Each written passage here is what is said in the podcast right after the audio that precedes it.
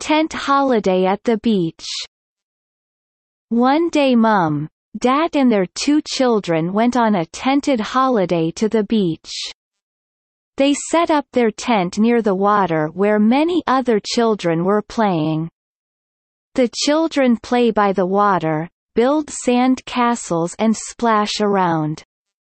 Mum and Dad take the children out to explore the area. They discover an old castle near the beach. They decide to go inside to see what's inside. They enter a large room filled with branches and old things. There is lots of grass and beach sand on the floor. The children are excited and begin to investigate all the exciting things they see around them.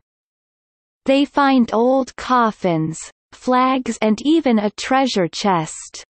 Dad takes the children for a walk on the beach, collecting pebbles and shells. They make little works of art with what they find and play in the sand. The children are so happy to be out in the open and enjoy the sun and the sea. In the evening, Mum lays out a big blanket where they can all eat their dinner and enjoy the beautiful sunset. The children quickly fall asleep in their tent, while Mum and Dad enjoy the silence of the beach.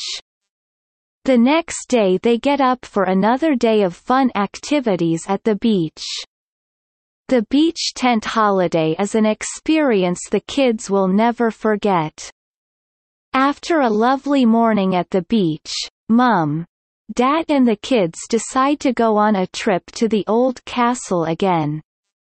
As they approach the castle, they hear a strange noise. They walk closer and discover that the sound is coming from inside the castle.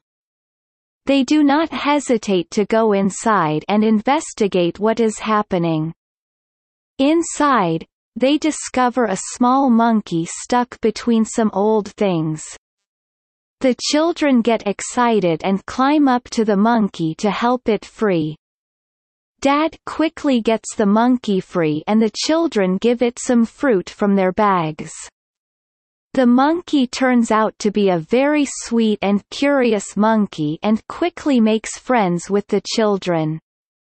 They decide to take the monkey for a walk on the beach, where they play and splash in the water together. Evening is approaching and it's time to light a fire and grill sausages.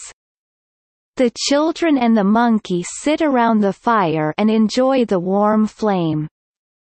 Dad tells stories of adventure and discovery, and Mum sings little songs. The next day they decide to take the monkey back to their tent and give it a good rest. But when they return to their tent, they discover that the monkey is gone. They look and look, but the monkey is nowhere to be found. Suddenly they hear the monkey's shrill howl and find it at the top of the old castle. They take the monkey down and give it a huge hug before saying goodbye to it.